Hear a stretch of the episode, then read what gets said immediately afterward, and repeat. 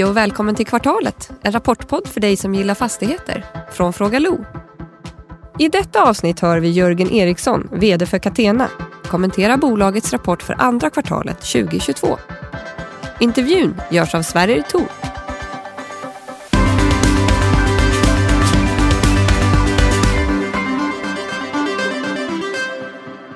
Då säger vi hej och välkomna tillbaka till kvartalet och hej Jörgen Eriksson. Hej Sverre! Kul, att- kul att ses igen. Detsamma. Nu är vi inte på ert kontor. Vi sitter här på Clarion CEO i, i Helsingborg. Precis. Trevligt Väldigt- ställe. Ja, väldigt trevligt ställe. Så folk får ha lite eh, översikt med att det, eller överseende heter det, med att det finns lite musik i bakgrunden. Men det, det är bara kul. Ja. Ska vi börja med att höra vad Niklas tycker? Det tycker jag. Mm, då säger vi varsågod Niklas Höglund. Ja, då är det dags för snabbanalysen av Catenas andra kvartal. Och eh, Catena fortsätter ju att leverera som tåget.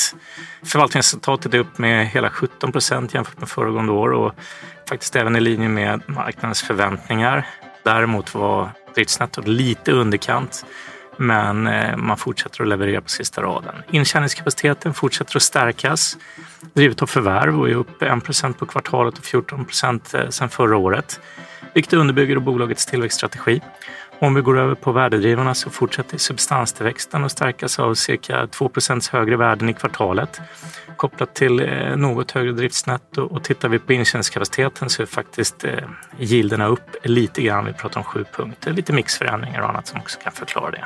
Och det här sammantaget med kassaflödet ger ett stöd på substansvärdet med imponerande 36 procent jämfört med föregående år och hela 15 procent sedan årsskiftet.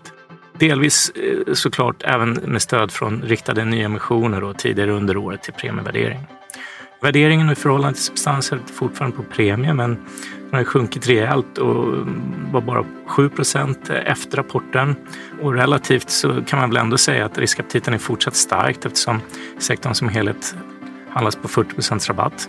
Det är definitivt så att vi har premievärdering för fortsatt för industri och logistik. Även om de för Catena låg på hela 30 procent högre i första kvartalet. Efter rapporten så har bolaget också kommunicerat en försäljning i Kista till en hyresgäst på nivå 15 procent över bokförda värdena. Det här ger ju såklart positiva signaler i, i den här tuffare omvärlden och visar att man har bra kuddar i sina värderingar. Börsen vill se att Catena fortsätter utnyttja sitt starka kassaflöde för att bibehålla och stärka sin status som kedjeförvärvare. Och framåt så blir det också viktigt att bolaget fortsätter att flytta fram positioner på projektsidan. Något som har accelererat och, och just nu ser väl utsikterna att, att man vill dra, fortsatt dra igång projekt även om det kan pressa marginalerna lite grann kortsiktigt. Eh, och kombinerar vi projekt eh, med att bolaget lyckas behålla en bra tillväxt i kassaflöde genom omförhandling av hyror eh, och förvärv såklart så underbygger det en fortsatt substanstillväxt över marknadens avkastningskrav och Eh, liksom visar på att bolagen har ytterligare potential eh, på uppsidan kursmässigt.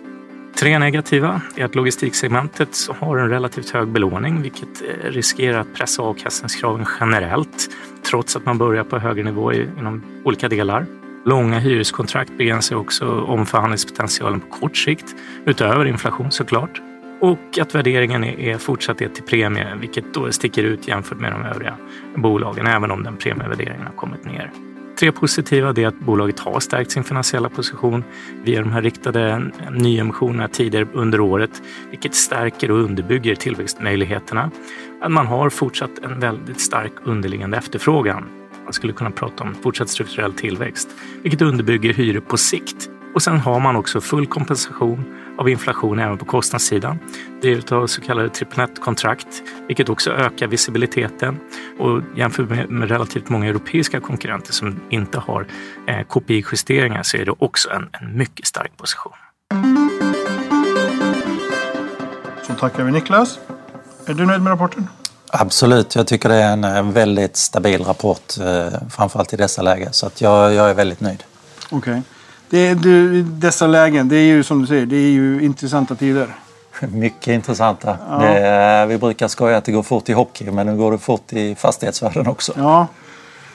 Om vi börjar med att bara sammanfatta andra kvartalet. För det ni har ju gjort, ni har varit väldigt aktiva. Framförallt på transaktionsmarknaden, men ni har ju haft stora uthyrningar också. Precis, vi har ju skrivit eh, det största kontraktet hittills i Catenas historia när vi satte projektet med Elgiganten. Eh, De ska flytta in på vår fastighet om ett par år och vi börjar med att bygga cirka 86 000 kvadratmeter. Så det där är ju en riktig fjäder i hatten. Mm. Dessutom så, så vill vi göra något alldeles extra av den här anläggningen. Vi ska eh, såklart miljöcertifiera den enligt BREEAM Excellent men vi ska även WELL-certifiera den vilket betyder att väldigt, väldigt mycket fokus på social hållbarhet. Mm. Hur, hur, hur, jobbar man med social hållbarhet i, i logistikfastigheter? Det är ju en arbetsplats för väldigt, väldigt många människor så att de som eh, ska eh, köra och springa och packa på lagret de, eh, de ska ha en, en väldigt trivsam arbetsmiljö. Vi är helt övertygade tillsammans med hyresgästen att, att då levererar man bättre. Och det mm. kan vara små enkla saker såsom lite mer ljus insläppt, lite trevligare fikarum men det kan även vara utanför anläggningen med en motionsbana, ett gym, kanske någon trevlig uteplats på taket och så vidare. Okay. Eh, vi har inte bestämt allt vad, vad det blir men eh, det kommer att bli väldigt mycket fokus på det. Okej. Okay, okay. Hyltena, Jönköping. Ni har ju varit aktiva i Jönköping länge. Ni har haft en, en regionchef där länge till och med. Eh, men Elgiganten, är det en ny kund eller? Ja, det är det. Vi förvärvade marken mitt emot Elgiganten, alltså andra sidan E4 och det gjorde vi i december 2021. Eh, eh, och sen har det varit eh, full fart i förhandlingarna med Elgiganten. Mm. Så det var, det var alltid tanken att de skulle ha den? Ja, så det, det har ju varit andra aktörer som väldigt gärna vill ligga där också för att de, det är ju den bästa platsen i Jönköping rent logistiskt sett. Sen blir det ju en perfect match in mm. heaven som vi säger med, med Elgiganten när de, de behöver växa och när de ska flytta hem en del av sin kökslager från Tjeckien också. Okay. Men det blir en single tenant-fastighet? Det blir en single tenant. Det är också signat eh, så att det ingår en option där. Så att eh, vi ser ju framför oss en, ett riktigt långt eh, förhållande med Elgiganten. Mm. Spännande. Men ni har ju också varit väldigt aktiva på, på transaktionsmarknaden. Ni har både sålt och, och, och köpt. Vad, om man säger så här, är det här vi var inne på det i början, det är intressanta tider. Är det här liksom läget? Är det så att det finns brandförsäljning inom citationstecken på fastigheter? Är det så att fastigheter som har kommit ut på marknaden nu som inte fanns där därför att det är liksom andra tider? Vad, mm. vad, vad är det som har hänt? Nej, men jag skulle säga att vi har väl tagit ett beslut att försöka och spetsa till portföljen lite till och då har det då har vi identifierat en del fastigheter som kanske inte är i all, absolut bästa läge och då fokuserar vi på våra bästa lägen. Det har funnits många köpare på, på marknaden. Eh, så vi har helt enkelt sålt av några. Det är inte likt Catena att göra det men eh, det kan bli några till faktiskt. Och så fokuserar vi på de absolut bästa lägena. För att skulle det bli lite, lite jobbigare tider så är alltid de bästa lägena de, de kvarstår. Så mm. de är vi väldigt trygga med. Mm. Så ni kommer sälja mer? Kommer ni köpa mer? Ja, vi kommer att titta på både och så att det, där, det är ingen exakt plan var. Eh, men jag menar, vi har ju hittills har vi sålt av men vi har också presenterat nyförvärv då, eh, i form av eh, helt nya anläggningar och då speciellt i Danmark som vi tror jättemycket på. Okej, okay, okay. Det händer ju mycket på fastighetsmarknaden. Det händer väl inom logistik. Det är liksom logistik som man kan nästan skylla logistik, logistiker för den här krisen som vi har just nu. Men du skriver att logistik är fortfarande efterfrågat. Vi är liksom fortfarande inne i en tid där mycket av liksom vår konsumtion går över till, till liksom mer logistikbaserad om man säger så. Om man säger varför kommer logistik liksom att vara det vinnande segmentet i den här krisen? Det är ju Catenas bett och har varit rätt många år och kommer att vara framåt också. Att, eh, även om eh, Eh, e-commerce har fått en, en liten smäll nu och ett tapp om man jämför med, med de fantastiska åren under pandemin. Så den långsiktiga kurvan och trenden den pekar ju fortfarande uppåt och det kommer den göra och det innebär ju att eh, ju fler, fler artiklar som säljs på nätet ju fler paket ska fraktas och eh, därmed så kommer det behövas mer logistikytor i form av effektiva lager och eh, inte minst terminaler. Mm. Och vi har ju pratat om det förr, men det, det pratas ju väldigt mycket om alltså logistikkedjorna, leveranskedjorna har ju brustit. Eh, det pratas mycket om hemtagning av, av, av, eh, av både lager och produktion. Eh, hur, hur, positionerar ni er liksom Du, du är inne på det. Ni, ni letar efter de bästa lägena. Ni, ni säljer av fastigheter som inte är optimala lägen. Mm. Hur positionerar ni er utifrån det? Ja, men vi, eh, eh, jag tänker först och främst Elgiganten är ett lysande exempel på det. De plockar hem eh, ett, ett stort lager från Tjeckien men det är inte bara det som ska fylla utan de har ju också en enorm tillväxt. De presenterade ett fantastiskt resultat här i, jag tror det var i fredags. Så de växer så det knakar. Men hur vi positionerar oss, ja vi har ju en, dels en existerande portfölj som, som börjar bli i, i det närmaste top notch Sen har vi en markbank på 5 miljoner kvadratmeter mark där vi jobbar med detaljplaner. Vissa är klara och vissa kommer att bli klara om ett antal år. Är de alla i optimalt läge om man säger så? Yes, det är de. Uh, och då har vi då, bara för att nämna några, allt från Sunnanå i Malmö till, till uh, Åstorp Bjuv här precis utanför Helsingborg. Vi har Örebro och vi har Stockholm Syd. Eh, och sen har vi Järna som kommer att bli eh, på sikt en fantastisk position när, när Stockholm Sydmarken har tagit slut. Mm, mm. Du är inne på det också, eller vi var inne på det i början. Det är ju väldigt märkliga tider. Vi går in i en tid med inflation. Där, eh, du nämnde det vd-ordet, ni, är liksom är, ni har ju en, en säkring i form av, av inflations eh, eller indexering och hyror. Eh, finns det något tak på indexeringen? Eller? Nej, eh, det kanske det finns i något enstaka fall men jag eh, skulle vilja säga att 90 procent av, av alla våra kontrakt har full KPI så det är en fantastisk hedge i dessa tider. Och det är samma i Danmark? Ja. Okay. En annan sak som är ju lite intressant när man pratar makro det är ju liksom växelkurser, speciellt när det gäller, gäller inflation. Mm. Ni, ni verkar ju på två marknader. Den mm. ena är, är, inte bara har en annan valuta, den är också peggad till euron. Mm.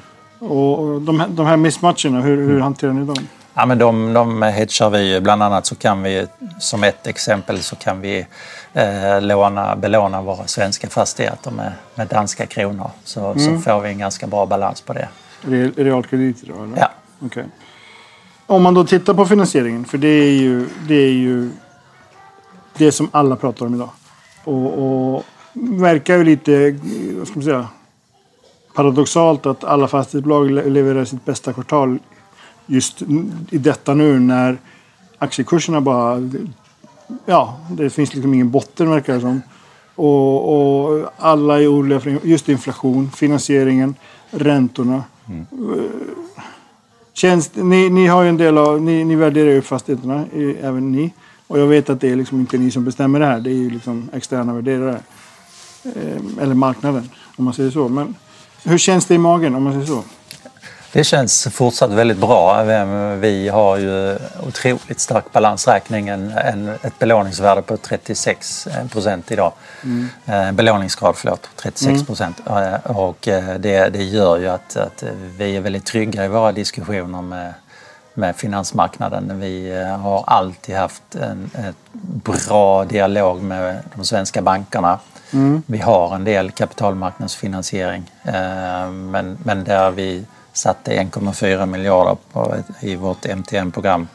Det är förfall på det 2025 så det är mm. liksom inte imorgon. Vi har lite via SFF och något certifikat men på det hela så känns det bra. Sen är vi, är vi ju väl medvetna om att vi får betala högre ränta, det får alla göra. Mm. Eh, så funkar det och det är ju en eh, sak som är det fina i kråksången det är just det vi nämnde med KPI. Att vi, vi kommer ju att vara ganska hedgade mot, mot index. Mm, mm. Ni har ju en del eh, räntebindning som förfaller i, inom ett år, vilket jag antar att mest för det mesta är i år, eller? Ja, vi har en del eh, Nästan 40 procent. Mm. Hur liksom... Vilka signaler får ni från marknaden? Vad är det för räntor? Är det kapital eller bank? Ja, det är, det, det, är, nu är ju kapitalmarknaden är ju stängd. Alltså det, de, de priserna där, det är ju inte rimligt. Så att vi, vi pratar med bankerna för tillfället. Sen mm. hoppas vi och tror att kapitalmarknaden kommer att öppna en vacker dag. Men som det är nu så står ju alla på perrongen. Det är ingen som vågar hoppa på tåget. Och det är ju samma sak om vi pratar att investera i fastighetsaktier eller eh, investera i obligationer. Det är sak samma. Ingen vågar ta ta mm. steget nu. Det, mm. det är osäkert. Mm. Ser du någon anledning att lägga om liksom, finansieringspolicyn? Det är kanske, kanske lite svårt att, att ta beslut om det här och nu i en podd men, men liksom, om man, om man säger så. Branschen har ju... Ja, sen jag kom in i branschen för tio år sedan, då var det i stort sett bara bank. Det var i stort sett det var Vasakronan och Akademiska Hus som hade obligationer på den tiden. Det har ju blivit en, en explosion där. Ser du liksom... Har man gått för långt?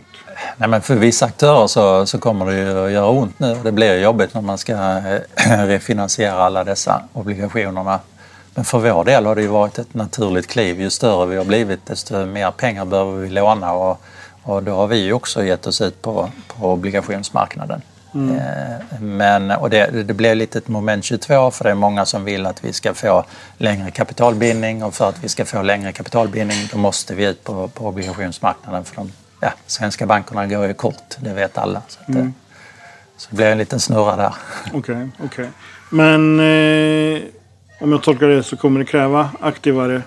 Eh, att David på, på Finans blir ännu aktivare när det gäller liksom bankrelationer och i och med att ni kommer då lägga om till kort. Vi, vi, eh, men vi har en fantastiskt bra dialog med bankerna så att vi, är, vi är inte oroliga där. Och de, eh, de gillar, bankerna gillar Catena och de gillar eh, logistik. Eh, så har det inte alltid varit men eh, det har vi ju förstått nu och, och sett och det är vi väldigt glada för att det här är ett segment att satsa på. Ett nyckeltal vi har fokuserat på i podden tidigare är ju räntetäckningsgrad. Och, och den ser ju bra ut. Den är ju 5,3. Vilket innebär att ni, ni, ni har råd att betala räntan och lite till. Den är över fjolårets nivå. Långt över eh, finanspolicyn. Men jag noterar också, jag har aldrig, aldrig noterat det i något, någon rapport. Ni redovisar något som heter räntesäkringsgrad nu. Eh, Kan du förklara vad det är? Nej, det, den tror jag jag passar på. Den får, den, den får David ta vid tillfälle. Okej. Ja, det är ett nytt nyckeltal för mig. Men ni har en snittränta på 2,2 som är faktiskt lägre än för ett år sedan. Ja, Hur, hur, eh, hur har ni lyckats med det? Ja, men vi har ju, det har ju så länge Stibor bara har gått upp, om det nu är ett antal punkter, så, så har vi ju den setupen att eh, vi får inte högre räntekostnader. Sen har vi ju också så att säga, vi har fått en större portfölj och, och de vi har som eh, obligationerna jag nämnde tidigare, de, de kommer ju in på en väldigt låg nivå. Så att det, är ju en del av det hela. Okej, okej. En, en sista fråga på, på, på finansieringen har ju också med yielden att göra. Alltså Ja. Det finns ju en, en, ett tydligt samband mellan, mellan yielder och, och, och räntor. Nu, nu har ju yielderna på logistik kommit ner enormt mycket de senaste åren. Tror du att vi kommer få se högre yield? Tror du att vi kommer komma upp till 8% igen? Det, man ska aldrig säga aldrig, men det känns ju ganska osannolikt. Men, men såklart, det beror på vad som händer i omvärlden med, med alla makroekonomiska effekter. Eh, det är fortsatt en väldigt stor efterfrågan på logistik, men för oss som, som ändå någonstans ska finansiera förvärven och projekten med både eget kapital och lånat kapital eh, så är vi ju beroende av eh, vilken yield kan vi betala. Vi är ju väldigt beroende av vilken ränta vi får av banken. Så stigande yielder men inte alarmerande. Nej, eh, det ska bli jättespännande att se eh, till hösten vad eh, värderingsmännen säger och vad de har hittat för bevis. Så får vi ta det därifrån och göra nya affärer. Bra, om vi då går över till tillväxtstrategin. Den har vi ju pratat om tidigare också. Eh, även utan, det är inte bara Sverige och Danmark. Ändrade förutsättningar på, i världsekonomin, hur påverkar det er? Ja, men det är klart som, som vi sa innan att det, vi får eh, vara, vara noggranna med vad, vad vi, eh, vi köper och, och när eh, så att säga. Hålla lite i pengarna nu för att hitta det nya normala. Det är ju, det är ju en sak. Eh, Men, men vi ska växa, det är ju självklart att vi ska göra. Och jag går tillbaka till Landbanken för att den är ju väldigt, väldigt viktig för oss. Och där har vi, som, som vi skriver i rapporten också, väldigt angenäma yield on cost-nivåer som det så populärt heter. Eh, Där det finns headroom i våra projekt. Eh, Så att vi menar, jämföra de projekten med att förvärva på en, på en öppen marknad så, så är det ju såklart så att vi tar eh, de egna projekten alla dagar i veckan. Är det, om, om man pratar liksom rent strategiskt, tillväxtstrategiskt. Eh, om ni ska in i Tyskland till exempel, eller Polen, vilket du var inne på tidigare. Är det samma? Eh, gäller det där, köper ni för färdiga fastigheter? Köper ni mark? Hur, hur tänker ni där? Ja, då går vi händelserna i förväg lite men jag tänker att vi det, skulle vi nog göra samma sak som vi har gjort i Danmark. Börja med att förvärva existerande anläggningar. Eh, svårt att komma in i ett nytt land, köpa råmark och börja en eh, detaljplaneprocess. Det är vi eh, experter på i Sverige men inte i Danmark än så länge och eh, framförallt inte i Tyskland eller Polen. Mm. Så att det, det är nog till att först lära känna marknaden genom att eh, ha en existens där och sen ta nästa steg. Mm. Eh, er, er relation med familjen De Pau, hur, hur, hur, hur jobbar de? Vad kan du berätta om det? Eh, nej, men det är lite för tidigt att säga något om. Jag, jag vet inte exakt men såklart eh, har de också eh, markområde. De har ju varit eh, ännu eh, bättre än vi på att eh, köra nya projekt. Okay. okay.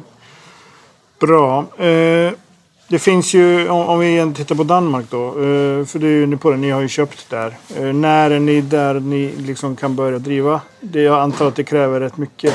Hur många har ni i Danmark? Gubbar? Alltså, Eh, faktiskt eh, vi, vi eh, roddar hela Danmark eh, från vårt Malmökontor men vi är, just i detta nu är vi ute och, och söker gubbar och gummor för att få, få, ha på plats och kunna driva affären ännu effektivare. Mm. Och förvaltningen outsourcar ni eller?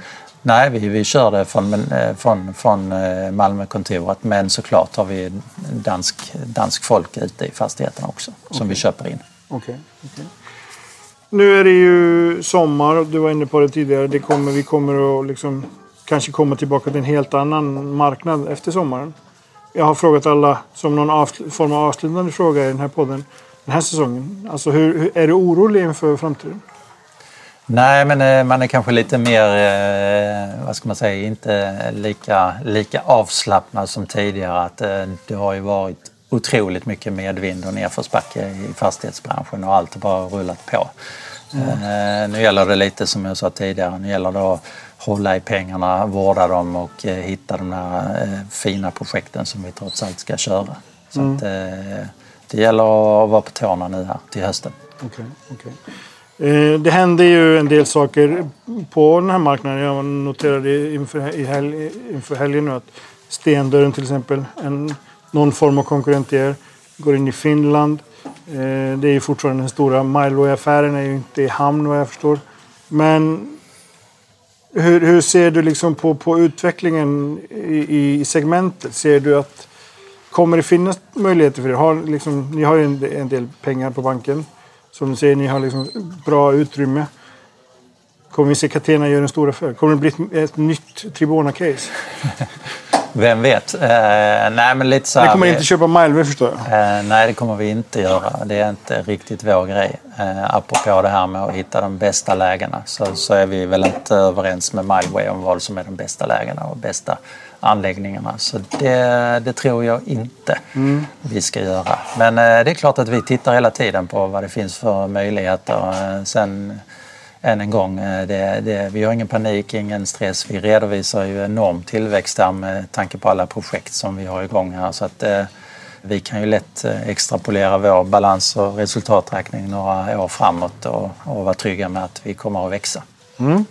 Jättebra. Tack Jörgen. Tack mycket. Och tack för att ni lyssnat och trevlig sommar.